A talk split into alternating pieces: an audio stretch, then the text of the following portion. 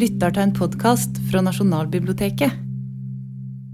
Eh, aller først, mitt navn er Trond Haugen. Jeg er forskningsbibliotekar her på Nasjonalbiblioteket. Og det er en eh, fornøyelse å ønske velkommen til det tredje arrangementet i serien om norsk litteraturkritikkhistorie som vi arrangerer denne høsten. Vi har tidligere diskutert mottagelsen av eh, Christian Krogs 'Albertine'. Og eh, første gangen Camilla Collets Amtmannsdøtre. I dag skal det handle om ikke en av den norske litteraturhistoriens store klassikere, men en litt unnselig bok, eh, men som er veldig spennende, nemlig Karo Espeseth sin eksperimentelle roman som heter 'Sår som ennu blør'. Ser en tidstypisk eh, omslag fra 1931. Og det er en det er en roman som skapte furore når den kom høsten 1931. Eh, kort fortalt så er det en bok som er skrevet i en form for lyr... Eller hva skal jeg si kortlinjet prosa. Uh, den er ikke spesielt lyrisk, men veldig korte setninger. Av og til et enkeltord på, uh, på linja. Og den handler da om en nordisk filologistudienes møte med en eh, krigs, eh, tysk krigsveteran etter den første verdenskrig eh, i Berlin. Så det er en veldig moderne setting for denne romanen. Eh, romanen er, er, lagt i munnen på den her tyske krigsveteranen. Og det som er spesielt, er at den er delt i to hoveddeler. Den første eh, i den første delen skildrer det altså det, Jeg holdt på å si det lyriske, jeg, men altså fortelleren skildrer sine voldsfantasier i forhold til kvinner. Altså han har en veldig sånn dramatisk eh, fjern måte å forholde seg til den herre filologen på. Eh, drømmer om å slå og bite eh, henne, så det er ganske saftig å lese første delen. Mens andre delen så å si består i en slags erindringsbit hvor eh, jeg da forteller Eh, litt av bakgrunnen om sin egen barndom og sin egen oppvekst og sin egen deltakelse i første verdenskrig, hvor han altså får sår på sjela, som er altså sår som ennå blør. Han mister ikke bein eller armer, men han har altså eh, blitt eh, eh skadeskutt i sitt indre, så å si. Uh, og hele formen på boka, altså måten den er skrevet på, kan kanskje ses på som et uh, stilistisk forsøk på å, på, si, på å, gi et bilde av den traumatiske erfaringa en uh, ung mann som har ofra seg for fedrelandet, opplever etter å ha kommet tilbake som taper i en krig, og altså Uh, og videre blir underlagt veldig strenge sanksjoner etter første verdenskrig. Og det er på en måte litt av uh, Det er litt av en kort oppsummering av boka. Men vi snakka så vidt inn på bakrommet her om at det hadde vært veldig fint å høre en liten del av 'Sår som ennå blør'. Og da har Hanne Ørstavik, som jeg ennå ikke har presentert. Eh, norsk forfatter som dere kjenner, som har utgitt eh, en rekke romaner. Eh, debuterte med 'Hakk' i 1994. hennes seneste roman er 'Over fjellet'. fikk Dobbeltøverprisen i 2002, Aschehougprisen i 2007. altså veldig anerkjent forfatter. Hun har sagt ja til å lese den biten. Men før hun skal få gjøre det, så skal jeg også introdusere den tredje personen i panelet i dag, nemlig Janniken Øverland, som er eh, norsk forlagsredaktør, Magart i litteraturvitenskap. Har vært redaktør i tidsskriftet Vindu fra 1980 til 85. Redaktør i Bokklubben. Eh, har skrevet uh, bøker om Cora Sandel, som da skriver i omtrent den samme tida. Og har vært med og redigert uh, det skjellsettende verket Norsk kvinnelitteraturhistorie, hvor du også bl.a. omtaler uh, Karo Espeseth. Mm. Så jeg tror vi tar en applaus før Hanne leser. Jeg, for Beklager, det var ikke meningen å glemme det.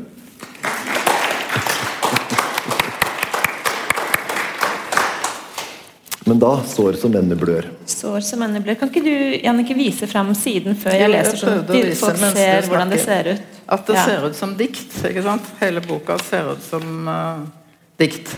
Og så er det stemmen hans hele tiden. Bare hans stemme hele tiden. Jeg leser de fem første sidene. Det var en våraften i fjor at du og jeg første gang traff hverandre. Gold Fascination. Ja, det var enda den 3. april. Husker du? Og det var i Leipzigerstrasse. Jeg var stanset utenfor et av vinduene hos Wertheim. Tilfeldigvis. Du var også stanset foran det samme vinduet, og så kom jeg til å se på deg, og du så på meg, og du vet hva som hendte. Jeg sa den sedvanlige innledningen. Unnskyld, frøken, men mann, vi ikke har truffet hverandre før. Du benektet visst dette, for jeg husker jeg fortsatte med at du lignet slik på en. Så ba jeg deg om du ville komme utenfor Wertheim neste dag også. Det lovte du. Så gikk jeg. Jeg la merke til deg. Jeg ble interessert, som det heter. Og da man i Berlin må ta sjansen mens man har den, så snakket jeg til deg. Ja, slik så det ut. Og derfor trodde du at det var virkeligheten. For du trodde alltid du at det du så, det var virkeligheten. Og at det du hørte, var sannheten. Men så enkelt er ikke livet, lille goldfasan. Oftest ligger virkeligheten og sannheten langt bak alt det du ser og hører. Også her.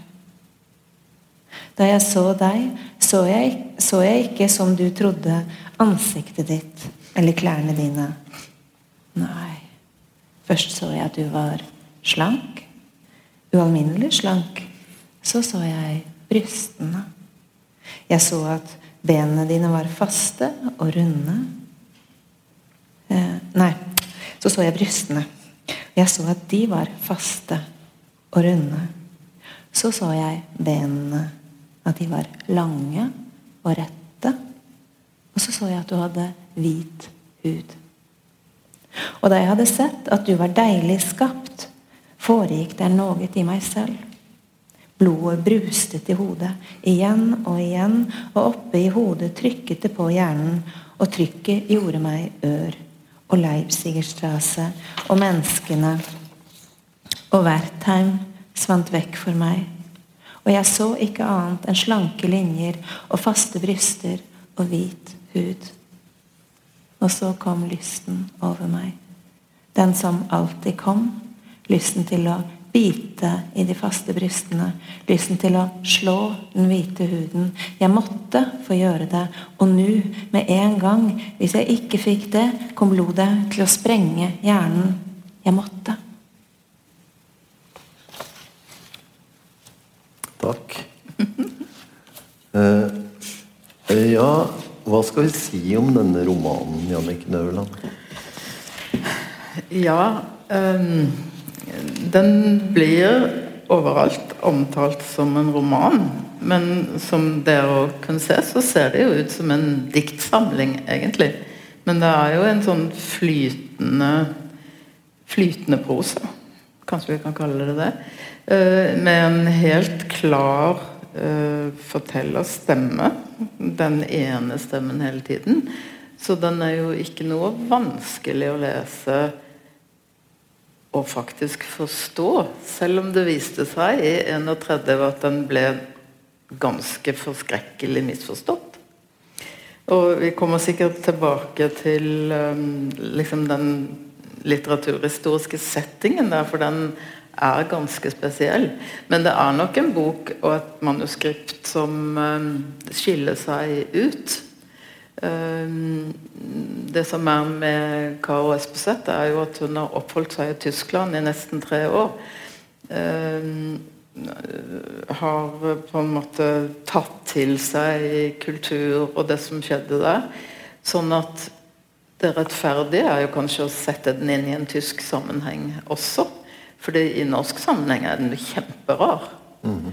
Samtidig som eh, Det kan vi jo snakke om. Det er en, en eh, utlyst en litterær konkurranse i 31. Og en av de som eh, blir premiert der, det er Rolf Stenersen. Som heller ikke har skrevet noe før. Og som, som da debuterer med veldig korte noveller. Som er mye mer prosaiske, men veldig korte. Men svært mange av både scenene og liksom intensjonen i den teksten, eh, den boken som heter 'God natta', du. De har både når det gjelder seksualitet og ubehag og vold, faktisk, og kvinnesynet på kvinnen. Ikke Stenersens nødvendigvis, men noen av karakterene sine. Sånn at sånn sett så er det liksom en nisje i de årene for denne typen bøker. Mm. Men hun var dame, og det betyr noe. Ja, hun var jo 28 år gammel. Espeseth var en kvinne som skrev en bok. Ja. Og den, det at hun gjorde det, gjorde at hun fikk fokus på seg på en annen måte enn både Rolf Stenersen og uh, Sigurd Hoel, som uh, kom med 'En dag i oktober' i det samme året, og som også ble skjelt ut for å være umoralsk. Uh, Hanne Ørstavik, uh, hva tenker du om denne uh, boka? Altså, jeg tenk, tenker Du debuterte jo med 'Hakk', og neste boka di het 'Entropi'. og Uten sammenligning for øvrig så jobber du også i et slags grensefelt mellom romanen og poesien i den, det tidlige forfatterskapet? Ja, de to første bøkene er jo kortprosaromaner, liksom. Ja. Men hva tenker du hva jeg tenkte ja, om denne tenk, romanen? Ja, hva tenker ja. du når du leder? Nå har du akkurat lest et stykke høyt. Hva er liksom uh... jeg, jeg, tenker at det er jo så utrolig spennende å, liksom, å prøve å forstå Jeg leser denne romanen i dag. Eh, men prøve å forstå at denne romanen kom for første gang i 31. Hvordan, så, hvordan I hva slags landskap kom den ut? Sånn, jeg har, har, ikke så stort litteraturhistorisk oversikt overhodet, men, men, men, i dag eh, I dag blir jeg sittende og lese fordi jeg ikke har hatt tilgang til det før, men blir sittende og lese den, den For Karo Espeseth skrev en bok til som het 'Livet gikk videre'. Den kom ut i 1983. Og den fins i sånn full versjon her på Nasjonalbiblioteket på nettsiden. Og i dag ble jeg sittende veldig fengslet å lese den, og lese liksom hvordan hun, selv, eh, hvordan hun selv tenker om hva som var viktig for henne når hun skrev. Og også, også liksom lese hvordan hun var hvordan hun var en ung jente fra Haugesund som etter hvert kom til Oslo for å studere på universitetet. Og en av de tingene hun da skriver i denne erindringsboken, som hun da må ha skrevet sent, når hun var mange og 70 eller noe sånt. Ja, ja. ja kanskje enda senere. Uh, um, Født i 1903. 1903, ja, ja det ble 80. Da var hun 80, ja, noe sånt. Uh, og men hvordan hun snakker jeg tenker, på, på en måte tenker jeg at det er, det er noe veldig spennende å se hvordan, hvordan, denne unge kvinnen kommer til Oslo alene og er veldig sånn oppsøker form. Hun går liksom på, til det hun skriver selv da når hun er 80, er at hun går på Nasjonalgalleriet til Munch-salen. Og der tilbringer hun tid. Hun setter seg og ser på bildene. Ser litt på skriket, ser litt på Madonna. Og så setter hun seg foran livsdansen, skriver hun. Og at det er noe med det bildet som har Og det syns jeg kommer sånn igjen i, i romanmanuskriptet hennes. At, at, det har noe med at den beskriver at i, i det i det maleriet så opplever hun at virkeligheten er mer virkelig enn virkeligheten. Sånn at, at, kunsten klarer å gjøre noe virkelig som hun ellers ikke har tilgang til.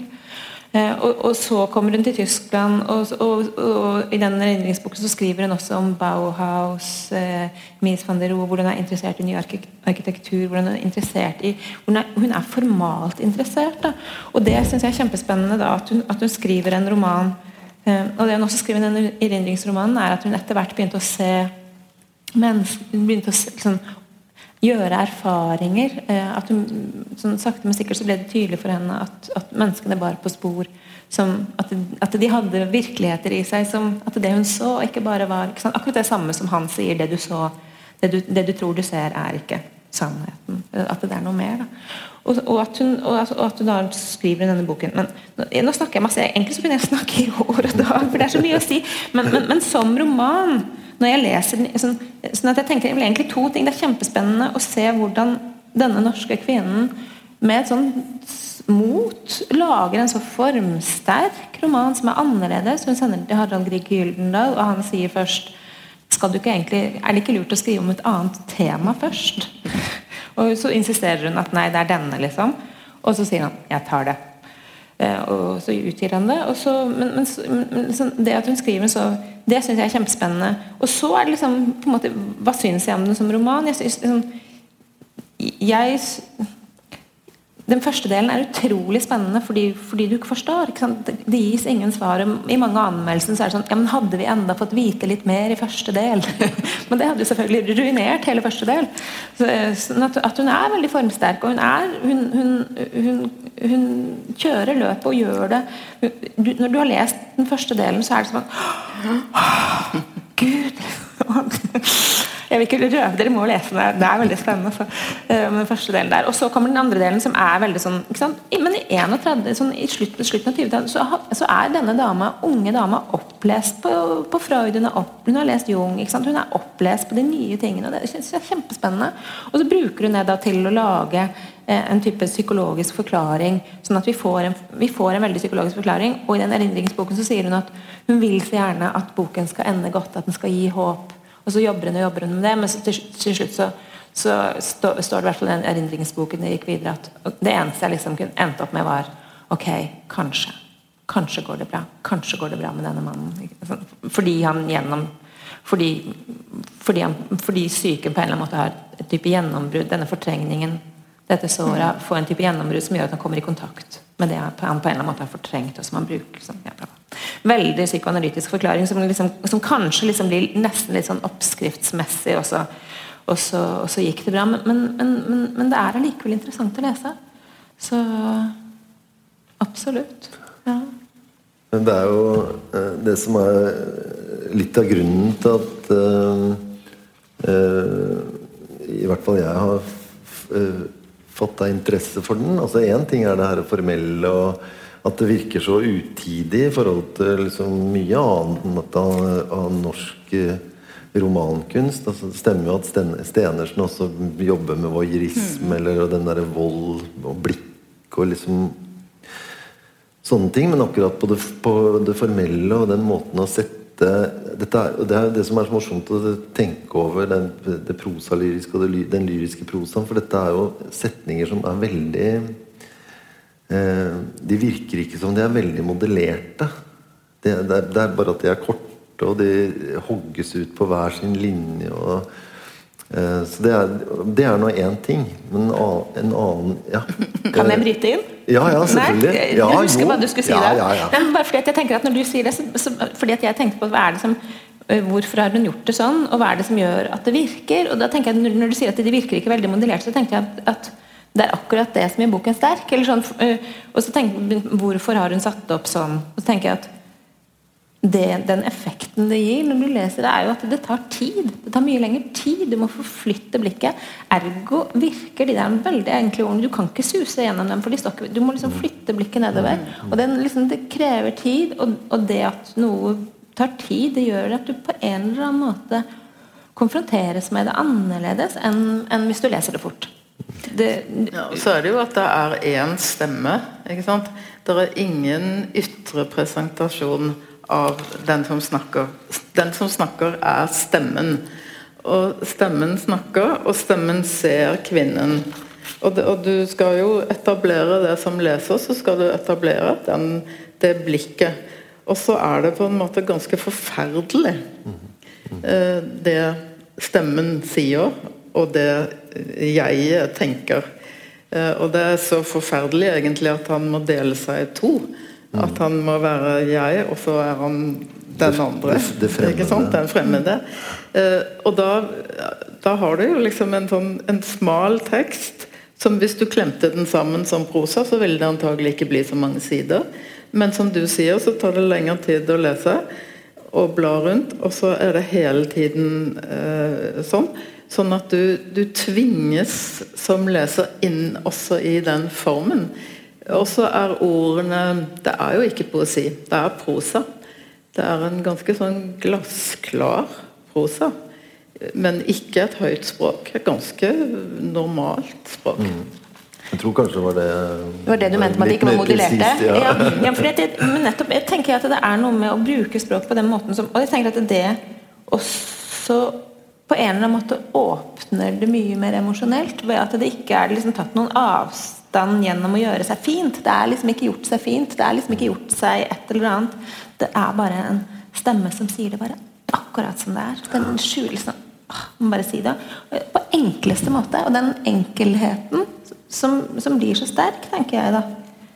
Ja, jeg tenkte å ta- en replikk eh, til din replikk inni min egentlig, Jeg har ikke glemt det jeg skulle si. Bra. Men fordi det er jo noe med det enkle språket og de enkle setningene. Det er jo en sånn, eh, Første delen er jo ganske Den eskalerer i eh, egentlig i det eh, sadistiske. Sant? Først så er det sadistiske fantasier, altså forestillinger. ikke sant? Det er så og det er ganske, ganske dramatisk. Er, da tenkte jeg at jeg ville brekke ryggen din. Jeg ville brek, brekke ryggraden, brekke den med hvert ledd, og så vil jeg rulle deg sammen. Slik som man gjør med en rullesild. Eh, men så går det videre til en utført sadistisk handling mot eh, et sånt hva skal jeg si, en, en, et kvinnelig substitutt for den her filologen da, som han har møtt. ikke sant? Og Da går han til en danseskole eh, og, og går med den piken han danser med, da, til huset med hotell over døren. Og jeg åpnet den, og jeg syntes ikke det var det minste vanskelig. Og jeg tenkte gudskjelov, nå er jeg ikke forrykt lenger. Og oppe i værelset skar jeg over gardinsnoren, og jeg knyttet den full av knuter, og jeg slo. Jeg slo den hvite snoren til den, Jeg slo så den hvite snoren ble rødlig. Eh, Og så ender det jo da med en eh, seksualvoldelig fornedrelse av den her eh, eh, eh, kvinnelige studenten. Eh, Og så var det det hendte. Som i ørske fant jeg et lærbelte. Nei, ikke jeg. Det fremmede. Den der for, fordoblinga der. Og det slo. Han omtaler seg da som det. Og slo så remmen hvinte gjennom luften. Det slo så det røde sprang frem på det hvite. Sånn at den eskalerer jo veldig, den der eh, første, første biten. Og det er jo en del, av, en del av det at det er så vanskelig å begripe den første delen. Eh, når da den andre delen kommer, så blir Ja. Så jeg vet ikke, jeg vet ikke, Det blir jo nesten enda verre. Eh, Du får, får en motivasjon for hvorfor det jeget splitter seg selv i jeg og det fremmede. Men det jeg skulle si er jo at det er en annen ting som er fascinerende, det er jo at Karo Espeseth utga jo bare den her ene eh, skjønnlitterære boka. Og i det erindringsverket så sier hun jo at det to, er to ting som hadde prega hennes eget liv veldig hardt. Og det var farens død og kritikken av, eh, av sorg som ennå blir. Og det bringer oss da til det som, er, som jeg tenkte vi må snakke litt om. Nemlig hvordan den boka ble mottatt. Eh, for det er jo på en måte altså, si, deler av altså deler av grunnen til at vi husker og erindrer og tenker på uh, sår som ennå blør, er jo at den havna midt inne i en sedelighetsdebatt på, mm. på 30-tallet, som da ble formulert i Morgenbladet av eh, Fredrik Ramm, som skrev en legendarisk artikkel som heter 'En skitten strøm flyter utover landet'. Og som var, var et generaloppgjør med eh, med det han så på som en moralsk degenerert eh, sant, eh, litteratur da, i, i samtida. Jeg kunne, Men kan vi gå tilbake bare ett skritt? Det kan vi eh, godt. Til, eh, fordi at hun er eh, riktignok i Haugesund, hvor hun var fra da boken kommer ut. Men hun er liksom i Tyskland hele tiden. Eh, og dette også da eh, Hun er i Tyskland fra 28 til 31. når boken kommer. Og det er da 11-12 år siden første verdenskrig sluttet. Det er første verdenskrig som er liksom hjertet i denne boken. Og hun er en veldig oppvakt student, som du sa, fra, fra Oslo. Har, har, dratt fra Haugesund til Oslo, bondestudent, studert og kommet inn ganske fort inn i sånne intellektuelle kretser, bl.a. rundt uh, professor Schjelderup. Uh, og hun er også sånn utrolig aktiv student uh, på slutten av 20-tallet, som er med i noen sånne studentforeninger for en ny verden. Altså, hun har noen sånne ganske bestemte håp For det er etterkrigstid. Det er ikke mellomkrigstid. Det er etterkrigstid. Uh, har håp liksom, om at de kan klare altså med, med, forsoning og toleranse så skal de klare å bygge en ny verden. Og så uh, har hun noen venner og noen kontakter, og sånn, og så kommer hun seg til forskjellige byer i Tyskland. Køln og Berlin og sånn. Men hun er jo fremdeles en pen, veldig pen, mørk dame fra Norge. Og hun har ikke vært i krigen. Og i, den, i memoarene så kan du ikke se at hun på en måte har vært, vært veldig tett innpå eks-soldater. Men jeg tror hun tolker på en måte hele stemningen i Tyskland, mm. uh, som jo veldig fort etter dette ble ganske ekkel igjen. Mm. Uh, men hun er av den typen som tar til seg uh, det vanskelige. Og så har hun én sånn historie i, i, memoarene hvor hun sier at det er en, en, mann som har myrdet ni personer. Så går hun og hører på den rettssaken. Uh, og så sier hun til seg selv hvis den mannen, Kørter heter han, uh, hvis han ser helt normal ut, så må jeg tenke at alle kan bli mordere. Alle kan bli hva som helst. Og han ser helt normal ut. Og så setter hun seg ned og skriver denne boken.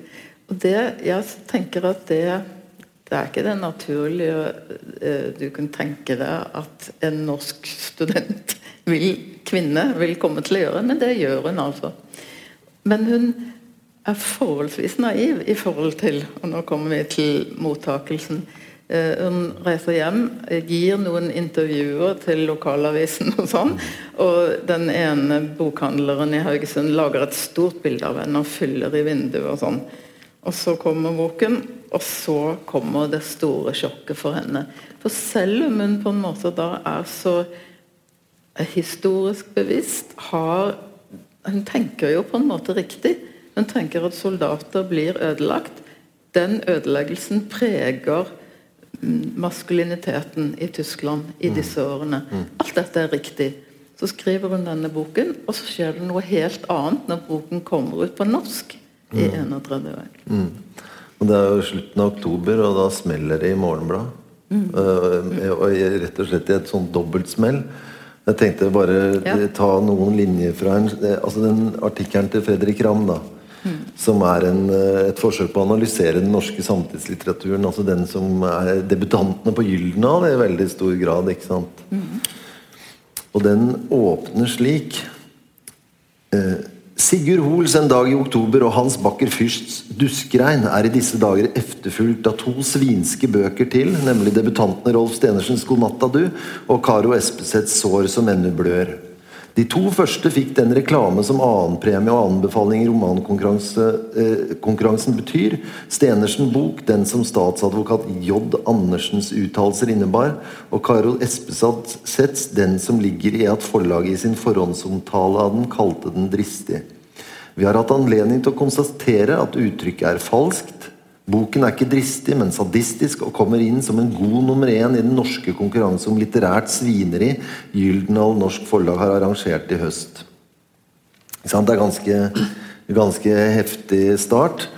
Og eh, det som kanskje er det kanskje voldsomste uttrykket i den skitten strøm, det kommer litt senere. Mm. Eh, eh, da Fredrik Ramm skriver Paul Gjesdal, som snart skal ha ut en bok hvis innhold etter forhåndsreklamen å dømme er hentet fra samme kloakk som de fire nevnte, skriver i en anmeldelse av Rolf Stenersens bok sitat, men selv om han aldri kommer til å skrive en linje mer, han har gjort sitt. sitat slutt. Så fortsetter han. De forbrytere som ødelegger små piker, har også fått gjort sitt. Men den skade en fordrukken voldtektsmann gjør et barn, er liten sammenlignet med den som en Sigurd Hoel, en Hans Bakker Fyrst, en Rolf Stenersen, en Caro Espeseth kan gjøre ved sin litterære virksomhet.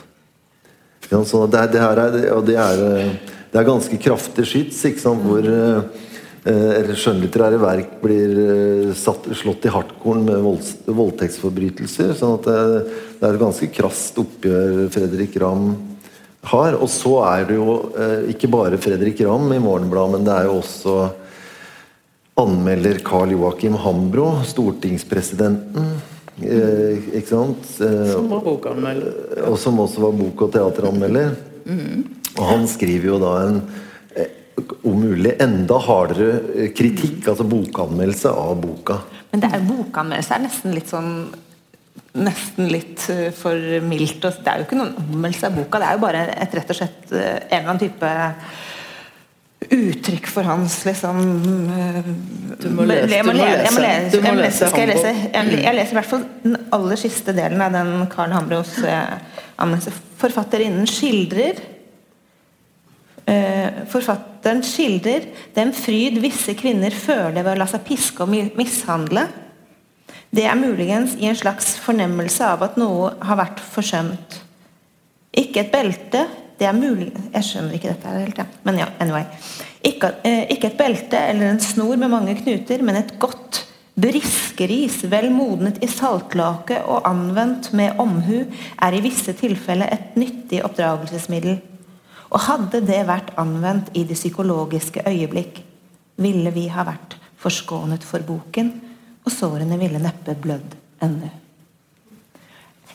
han skriver at hadde hun bare fått fisk og ikke bare liksom ris, men med denne nytelsen av å beskrive dette bjørkeriset som skal liksom ligge saltlake og bli mykt. Liksom, det, er, det, er, jo han som skriver ut sine sadistiske liksom, øh, greier i denne anmeldelsen. Og jeg syns det, dette er veldig rart. Er det ikke det? Altså Målt med dagens uh, nivå på litteraturanmeldelser er det skrekkelig sært. Det er jo det. Ja, Men det, altså, det, er jo en tid hvor de politiske og moralske motsetningene er veldig sterke. Og, ja, ja. og dette er da et utkrystalliseringspunkt rett og slett for dette. Ja, for Det er jo veldig fascinerende med tanke på eh, altså Vi har jo noen forestillinger om litteraturkritikk som er liksom ganske mm. seigliva. Det ene er at I gamle dager så skrev man mye lengre og eh, mer rasjonelle anmeldelser. ikke sant? Hvor begrunnelsen av det intellektuelle nivået var veldig høyt fordi man hadde god tid. eller et eller annet. Det var ikke så mange bøker. ikke sant? Mm. Uh, uh, men, men og, en annen, og, en annen, at liksom uh, Hva skal jeg si At snerten har blitt hardere. At det liksom tabloidiseringa også får fram mm liksom enda mer gruff. Men her er det jo snarere motsatt. Altså det, for dette her ligger jo på et sånt eh, skal si, eh, slaktenivå som er eh, sjeldent eh. og, en av anmeldelsene sier jo liksom til og med at liksom er bare så kort. En bitte liten sak. Kort, Og der står det at liksom ja, etter 40 sider gadd jeg ikke mer. Og det forteller alt om denne boken. Sånn, etter 40 sider slang jeg den i veggen eller et eller annet. Ja. Det, Han sier til og med at jeg trenger en dram. Ja. Ja, det, det, det, er Andrea, det, er Andreas Paulsson i, i, i Bergens Arbeiderblad. Og den, er, den, er så, den, er, så, kort så den kan tas ja, bare for det var altså, det, Han ja. var ikke alene. Eh, si. Der står det En motbydelig bok. Ekkel, pervers, sadistisk. Den fremtrer i et uforskammet fordringsfullt utstyr. 215 sider, 20 linjer på hver side. I regelen høyst seks ord på hver linje. Svært ofte bare ett ord. Da jeg hadde lest 40 sider, slengte jeg boken fylt til kråsen med kvalme. Min sjel skrek etter en dram, og jeg forbannet at jeg ingen hadde. Men det jeg tror vi må, vi må tenke, er at uh, litteraturkritikk var ikke profesjonalisert, sånn som det tross alt er i dag. Uh, det var en veldig subjektiv uh, sjanger. Og sånn som stortingspresidenten og andre journalister og andre døgenikter kunne skrive litteraturkritikk. Men, og avisene trykket det. Så jeg tror nok også at de både altså De ga nok stoff til diskusjon, men de var nok også en slags underholdningssjanger. Sant? Hvor frekk går det an å være? Men heldigvis så hadde jo altså både Espeseth og Stenersen hadde jo sine eh, forsvarere. Mm. Og, og eh, forlagssjef Grieg var selvfølgelig en av de. Eh, det er en morsom utveksling mellom Grieg og hans bror, altså Nordahl Grieg, eh, som var i Bergen på den tiden. Eh, og de skriver brev til hverandre, sånn at det er dokumentert. Og da Nordahl er i Bergen og så står det om han. Svært opptatt var han også av Morgenbladets angrep på meg, altså Harald Grieg, broren, for å ha spredt en skitten strøm. Og Da sier Nordahl jeg hører rykter om at Morgenbladet har reist hærrop mot deg. Det er godt at du kan ta sånt sludder med ro. Liderligheten må utryddes hos den som leser, ikke hos dem som skriver. Dessuten tror jeg det meste av smusslitteratur gjør ypperlig tjeneste. Den gjør menneskene immune, likegyldige, kjedde på det området, så kan verden gå videre. Men så er han spesielt opptatt av Karo Espeseth. Den hadde han nemlig selv vært konsulent for, og anbefalt for sin bror. Så sier han hvordan går det med kamerat Espeseth? Han er jo på den siden hvor de kaller hverandre kamerat. Jeg klarer ikke helt plassere henne der, men han kaller henne kamerat Espeseth. Hun var jo fra Haugesund, ja. Han er i Bergen. Til min siste dag skal jeg nå hevde at det finnes ikke fordervelse i den boken, bare forferdelse og medykk. Bare hun nå vil skrive en ordentlig god bok neste gang. Det må man lov å kreve av henne. Men det ble det altså ikke. Nei. Nei, kritikken tok Ja. ja. Mm. Men til hennes forsvar, det var jo ikke bare Nordahl Grieg som på en måte forsvarte prosjektet. altså i, i Dagbladet skrev Helge Krogh en veldig sympatisk Etterpå, ja. mm. eh, anmeldelse. Mm. Eh, han, gir, altså han, har kritiske innvendinger til prosjektet og diskuterer bl.a. Eh, bokas komposisjon og det ting vi har vært inne på mm. i forhold til liksom det store, eh, hva skal jeg si, lange, eller store skillet mellom introduksjonen og den her forklaringa. Eh, men han han har også et slags trøstens ord, da. Eller mm. støttende ord, som er veldig fint. Og det kan vi også høre fra Helge Krogh. da. For han sier det er, det er, vanskelig å skrive en slik intens dagboks- og bekjennelsesprosa. Eh, kanskje det blir lettere hvis man later som det er vers. Altså kommenterer han formen. Men det er en alvorlig bok. En redelig bok. For annonsespaltene en bok som vil noe. Og i frisk erindring om de tåpelige moralske attentater den er blitt gjenstand for, morer det meg at jeg med sannheten på min side kan tilføye at det er en optimistisk bok. Hun, hun fikk jo opplevde jo også å få, få støtte i, i samtida, da. Og i den optimismen så ligger jo, ligger jo den, den, slutten. Vi har jo ikke, vi har liksom ikke Vi har kanskje ikke sitert noe fra, eh, fra den delen av boka som eh, blir ganske tydelig på akkurat eh, det feltet. Men uh, det kan vi godt gjøre, for det er uh, uh,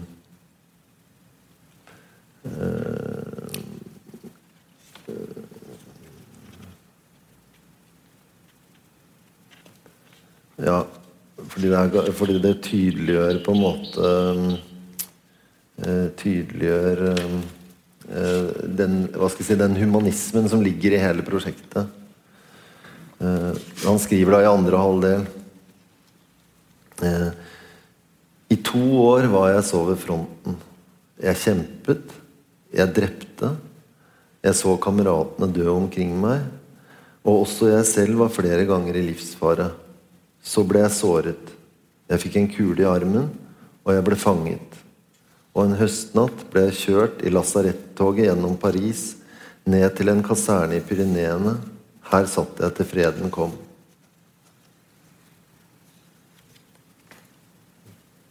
Sånn, sånn at det, hele den derre eh, 'Sår som ennå blør'-tittelen, eh, og han beskriver da hvordan, eh, hvordan det her, de her inntrykka fra eh, skyttergravene liksom har prega han. Da.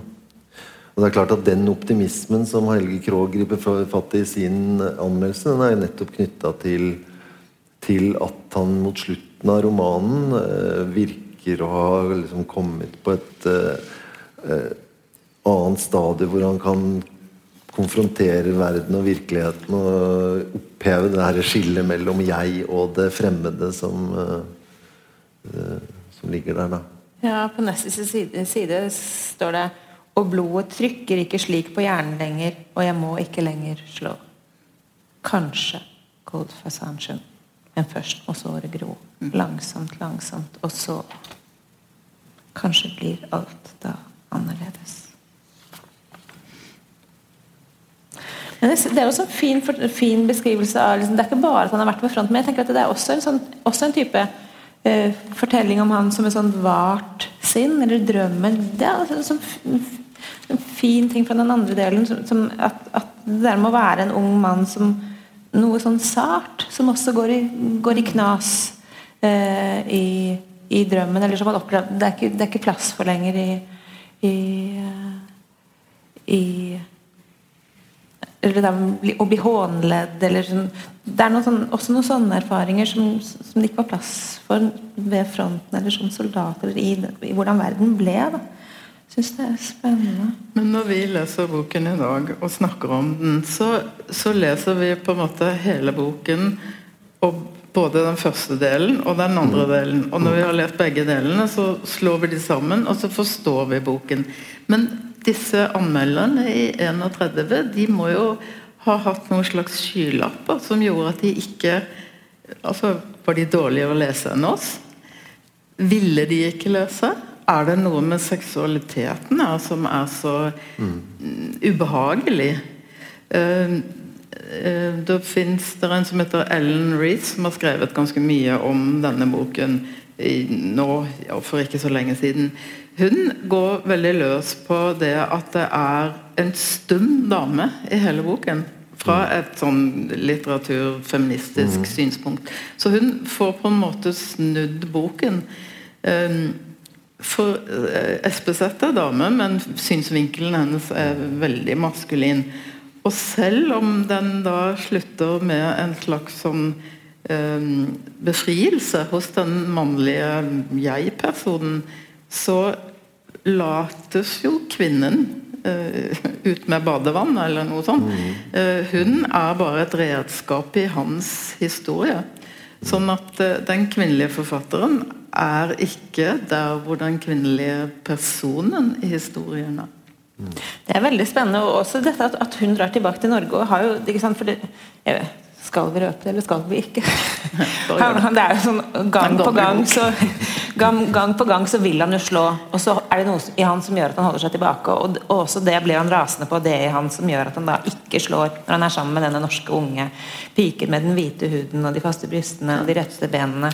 Uh, og, og, men helt til slutt, når hun endret, skal hun reise tilbake til Norge den aller siste kvelden, da bare Da bare, da bare liksom da mister han tak, eller, slipper, eller, eller tar tak. Alt ut ifra hvilken, hvilken, person han er. også, men i alle tilfeller, det som er spennende, er at, er at, som du også sier, vi hører ikke noe mer om henne. Også liksom dette med at kanskje Goldfoss Arntzen, men hallo, liksom. Etter å ha vært sammen med en mann i tre måneder, og så plutselig så bare blir han helt vill. og og slår deg virkelig liksom så, du, så det bare renner blod nedover deg. Liksom. Så, så, så, virker jo det kanskje litt usannsynlig at, at, det skal bli bra mellom dem igjen, da.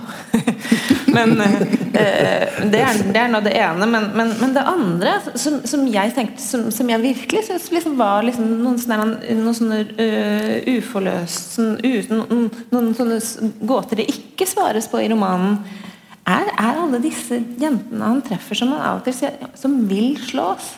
Og så møter han ham igjen og igjen, og som, og som, og som, og som i hvert fall i hans forståelse liker å bli slått, og som vil bli slått. Og jeg tenker at Første verdenskrig var jo det var jo mm. mennene som dro og var ved fronten. Det var de som fikk sår som ikke som, som, som ennå ikke har grodd. Eh, og hva da med disse som liker å bli slått? Sånn, sånn, hva, jeg tenker at Der er det også noe spennende i dette. dette så denne Boken har på en måte et sånt stumt negativ som, mm. som jo ikke er tematisert. Og, eh, og, det blir jeg veldig sånn nysgjerrig på. da. Jeg tenker at liksom Det er jo en at Sånn sett så tenker jeg at boken på en måte Det med krigen og ham blir på en måte forklart, men det er noe kanskje enda dypere og mer sånn dette med disse kvinnene, hvor kommer det fra? Og hvis ikke det har med krigen å gjøre, hva har det da med å gjøre? Og er det noe som reproduseres og reproduseres og reproduseres? Eller hvordan, liksom, hvordan kan det såret gro? Mm. Det er jo, det er jo, det er jo liksom fristende å minne litt altså bare, Eller minne om, men poenget er jo at det, eh, du var inne på Janniken, altså de store ideologiske uh, motsetningene i, i den tida. Mm. Uh, og det er klart at uh, altså sånn, så, sånn, som man, sånn, som det er lett å presentere når du leser den andre delen, altså den, eller, og, og tittelen 'Sår som ennå blør', så, altså er, og hvis du tenker at La oss si at du sier at dette er etterkrigstid, altså tida etter første verdenskrig, og du vet ikke om det som skal komme så er, det, så er prosjektet liksom dypt humanistisk mm. i, i, grunnholdning. Altså dette her handler om eh, de traumatiske erfaringene av krig. Eh, og, og, en krig som har hatt en brutalitet som man ikke har sett maken til tidligere. ja, og så Inni det krigsperspektivet så kommer også kjønnsperspektivet. For den første krigen var jo altså en sånn menneskekrig altså skyttergraver og langvarige og alt det der. Og det er også sånn at tyskerne hadde offentlige bordeller i Brussel og en av de andre byene der hvor det var mest der hvor de, Når de ikke kriget, så hadde de fri, og så var det bordeller og damer overalt. Og det foregikk sikkert litt av hvert. Eh, så det der med å liksom jage seg opp i krige, drepe, voldta, og så slutter krigen. Og så skal alle disse unge mennene på en måte bli snille. Altså vennlige, humanistiske. Sånn. Det er jo en, en, forferdelig historie. Og særlig når vi da vet at det varte ikke så lenge før det begynte igjen. Mm. Så på en måte er denne boken en slags sånn syl inn i et sår, faktisk. Mm. Og det slår meg også at det, eh, til, dels, eh, til dels i liksom anlegget og den Berlin-settingen altså, Det oppleves som en ganske moderne bok bare fordi den er plassert mm. i en mm. europeisk mm. storby.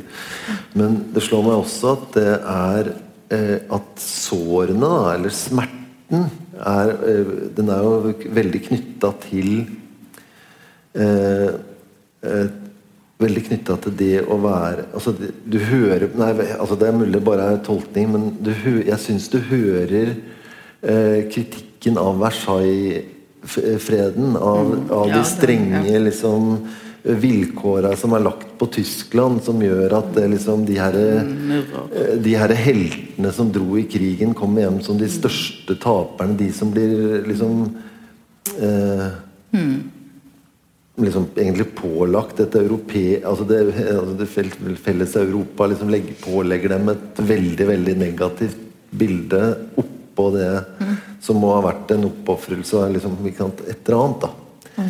Ja, og så er det jo mennenes krig. Det er jo ikke noe tvil om det. En av de andre bøkene fra den perioden er jo Alfred Dublins 'Berlin og Alexanderplatz', som kom i 29, og som òg har et sånn den har òg et modernistisk uttrykk, sånn som denne teksten er. Den er jo ikke sånn dikt, men den er klippet opp i masse biter. og Det er mye sånn reklamesnutter og, og småtekster rundt. Men der òg er det utrolig sånn vold rettet mot kvinner. Sånn at det ligger nok uh, i si, bykulturen i Tyskland i rundt disse årene. Sånn at det er et adekvat uttrykk denne damen har fått tak i, rett og slett. Men at det ikke ble forstått i Norge. Men er, men er, er den herre liksom, hva skal jeg si, er Tysklandssympatien, eh, etter første verdenskrig. Er det et problem for anmelderne i Norge? Eller er det et Det element, nok, et moment altså, Norge var jo ikke i den krigen, men, og Norge, noen i Norge tjente ganske mye penger på den krigen. Sånn at de, de er ikke så opptatt, uh, står der, av hvordan det gikk liksom, i Tyskland eh, i den som ikke var mellomkrigstiden. Uh, sånn at det er for dem altså Det må jo være et eller annet som gjør at disse kritikerne ikke klarer å nærme seg den teksten. Rett og slett. Men har ikke det, kan ikke det også ha litt å gjøre med at eh, Karo Espeseth var jo veldig veldig tidlig, i til, tidlig ute i forhold til å forholde seg til psykoanalytisk tenkemåte Ja. og sånn. At, at, at folk, folk, folk rett og slett sånn, Jeg tenker I dag så er vi jo veldig mye mer vant til å på en måte også forholde oss Ja, det tror jeg. mer eller mindre til vårt eget ubehag, så også som mm, signaler om, om noe som også har med oss selv å gjøre. da, eh, Og ikke bare liksom legge alt ut på, på teksten. Og, og på en eller annen måte tenke om oss selv også i en ja, psykoanalytisk måte. Kanskje?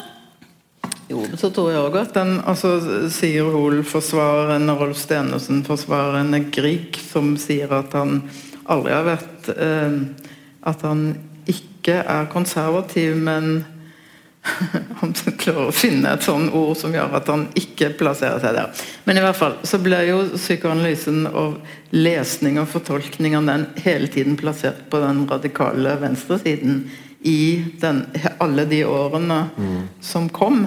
Sånn at det var også å uttale seg og være politisk og være opptatt av psykoanalyse. Eh, og da den motsetningen forsterket seg jo videre oppover. Og Ramm, eh, Fredrik Ramm med 'Den skitne strømmen', han ble jo en sånn Oxford-bevegelsemann. Eh, og eh, hvem er det som sier at uh, teksten er som en svart stripe med utflod? Er det Det er Hambro? Det er Hambro. Som jo hører til på høyresiden. Uh, som er et veldig ekkelt bilde òg. Ironien i det er at um, eh, Grieg og Ramm møtes på Grini. Og de er jo begge veldig dannede personer, men Ramm blir sendt til Tyskland og døde der. Ja, han døde, døde Sånn at det var en sånn- fra sant? Det var en- den større saken, altså Norges neste Norgeskrig. Eh, Da, da møtes de, på en måte. Ja, men Det litt, var det litt det jeg tenkte på. At det er liksom noen veldig pussige bevegelser der mellom Ja, så 30-tallet er jo en sånn splittingstid. ikke sant? Altså, når det blir 40, så kommer Nordahl Grieg, Harald Fredrik Ramm. mm. Veldig mange på en måte på samme hest. Og så, og så må vi skylder vi å fortelle publikum om at eh, Karo Espeseth sin hva skal jeg si, tilknytning til Berlin og Tyskland mm. eh, eh, Hun endte Hun gifta seg jo da med Gerhard eh, von Mende, som uh, jobba i Østministeriet i Tyskland under den andre verdenskrig. Og, eh, forbi, og Karo Espeseth holdt foredrag om kommunismens forferdelige propagandaarbeid på uh, russiske barn. Sånn at, eh, og var veldig liksom eh, ant, hva skal jeg si, hardnakka antikommunist. sånn at hun nå er jo en sånn skikkelse som ikke, som ikke helt går i hop når du ser på den her eksperimentelle prosaen og humanismen i 'Sår som ennå blør', og så det, det veld, ekst, veld, veldig harde fronten mot uh, uh, mot kommunismen. Mm. Og han er professor og forsvar, kan snakke tyrkisk og latvisk og forsvarer muslimer under krigen og forsvar, i Tyskland og etter krigen. Så han har et sånn Og han har truffet eh, Han treffer Quisling eh, før krigen i øst. Altså når Quisling drev med russiske og øst, eh, østlige flyktninger og menneskeverd og alt det der. Da treffer de- denne ektemannen han. Eh, og det gjør at de på en måte uh, Espeseth og von Mende eh, De bor i Tyskland under krigen. De flytter seg liksom etter hvert som det går dårlig. Og så har de ferier i Norge. Og det er godt gjort. Ja, og, og jeg tenker også altså Paradoksalt nok så er det jo sånn da at i Arbeideren, i avisa Arbeideren, i anmeldelsen av farlige bøker der, så eh, åpner Leif Skien med å si også denne boken later til å stå på den borgerlige indeks. Altså den borgerlige listen over bøker som er usedelige, eller liksom, ikke sant, som ikke er helt korrekte. Mens eh, når alt kommer til alt, så havner hun da på den nazistiske indeksen. Altså på selv om med, med sin tilknytning til nasjonalsosialistene, så ender altså boka på listen over de bøkene eh, nasjonalsosialistene i Norge mener man ikke skulle fjerne eller brenne eller eh, ja, på grunn av formen. Ja, den boken ble forbudt i Norge i 41. For, og da er den sånn entartet kunst. Eh, og det er jo òg veldig rart. Da har liksom mynten snudd. Ja, ja. ja. og i, i forbindelse med den hendelsen så har vi, vi har eh, brev fra eh, Karo Espeseth til den store hva skal jeg si, den eh, sentrale eh, naziideologen Gulbrand Lunde, hvor hun prøver å eh, forsvare at boka, eh, boka ikke er eh, entartet, eller altså at eh, den burde ikke være på indeks. Hun skrev også et brev til Vidkun Quisling i, for, i forbindelse med eh, samme problematikken. Så hun er jo en veldig altså, det jo, Man kan anbefale den erindringsboka. Det er veldig gøy å lese. Det er en veldig ja. morsom bok. veldig morsom. Men det er også en veldig eh, selv... eh, hva skal jeg si eh, Selvforsvarende. Eller en, eh, Veldig selvforsvar. Holde korta litt tett inntil brystet på en del problemstillinger. da Men jeg tenker at hun altså Hvis tidene hadde vært annerledes, så hadde det gått annerledes med henne òg. Jeg tenker det, jeg syns det er litt spennende. Jeg, altså, jeg, har jo ikke le, jeg, fikk jeg, jeg rakk ikke å lese hele den redningsboka i dag, men, jeg, men det var veldig spennende å lese. Men jeg liksom, tenkte liksom veldig at ja, det er et veldig åpent spørsmål hvorfor hun ikke skrev Du, du, du, vil, du ville trodd hun hadde skrevet, kunne skrive mer? Ja, jeg vil ha trodd det. Men altså, hvor gammel var hun? Hun var i 31, var hun 27 år. Eh, og den, altså den fra, å, fra å være sånn postergirl i vinduet i bokhandelen i Haugesund, til å, at de bokhandlene pakket ned bøkene. Ikke sant? De ville ikke følge de, rett og slett. Tre dager etterpå. Eh, Eh, Jo, alle- Johan Borgen skriver en veldig, Det Johan Borgen er skriver en veldig fin ja. vanskelig, vanskelig ting å ta. Og selv om hun da liksom videre beveget seg i intellektuelle miljøer og sånt, så så det virker som hun lukker altså For hun, hun som veldig ung, og når hun kommer til Tyskland, så er hun veldig reseptiv. Hun tar til seg signal. Men akkurat som hun stenger og ikke, altså bestemmer seg for at 'jeg er ikke en som kan uttrykke meg'. Så da, ja, det er jo veldig synd, da. For hun har jo en evne, Hun har er absolutt et talent, men, det er veldig, men det er også veldig spennende å liksom se å lese den erindringsboken, og, og så lese eh, eh, og så lese 'Sår som ennå ble for-' Og se hvordan hun er så utrolig opptatt av hvert fall opplevde jeg det sånn når jeg leste den. Så er jeg så veldig opptatt av dette med, med, med virkeligheten. Hva er sant og virkelig, og hvordan, hva i det vi ser Når hun går og ser på Munch, så er det nettopp det. At der er det mer virkelig enn en, en, og, og, og, liksom, og det å få beskrevet den andre virkeligheten. Og hun skriver og det hun skriver om og om igjen om at det du ser, er ikke virkelig. Hun er veldig opptatt av den tematikken.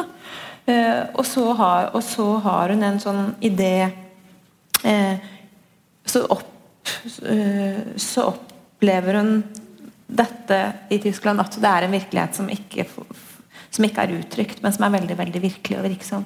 Hun sier i denne redningsboken en eller annen gang at, at hun går forbi et vindu, og så er det noen som hører en mann som slår kona si, og så snakker de sammen med noen andre som kjenner, som kjenner henne, og sier at det, det begynte han med etter, han, han var ikke sånn før, altså før, før krigen. Han ble sånn da han kom tilbake igjen, så slår han henne. Og da tenkte han Ja.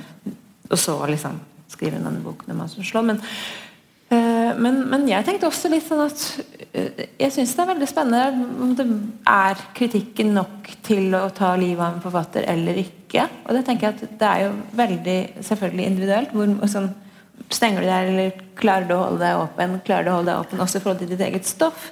Og så tenker jeg liksom, Hvor mye stoff, hvor mye eget stoff har hun tilgang til? Og har hun egentlig et eget Jeg tenker at Jung skriver noe veldig veldig fint i forhold til på en måte noen, noen, kunstnere er jo veldig opptatt av at de ikke skal gå i psykoanalyse eller terapi, for da mister de på en måte Smerten er min drivkraft. Jeg vil ikke bli kvitt smerten min. Altså, så sier liksom Jung at ja, men, men, det er ikke smerten som driver, fram, som driver deg framover, men det som driver en skapende som, det, som gjør at noe skal skapes, er rett og slett motsetninger i personligheten som kvernes mot hverandre, og som derav på en eller annen måte lagrer energi.